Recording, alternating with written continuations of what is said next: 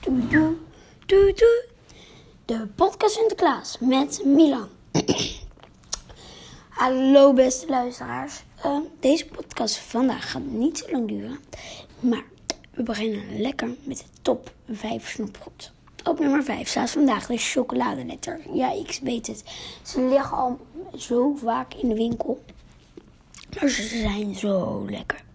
Op nummer 4 staat het schuimpje. Ik ben niet zo hoog. Oh jawel. Uh, op nummer 3 staat het hartje. Op nummer 2 staat de tai En op nummer 1 staat...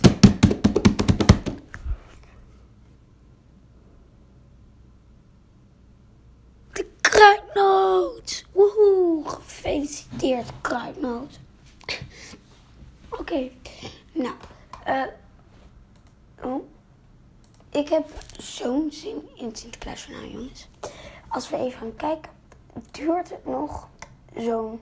Oké, het is nu de derde. Hoeveel is het nu? 4 november. Dus, dan is het 4, nog 5 dagen en dan begint het Sinterklaasjournaal. Vet. Oké, eh, we beginnen we vandaag in de podcast. Um, uh, ja hebben we niet zoveel eigenlijk te vertellen. Uh, straks komt er een langere podcast waarin we, ik mag het nu al vertellen, waarschijnlijk zelfs met Sinterklaas gaan bellen. Nou ja, tot dan. Dit was de kortste podcast ooit. Doei!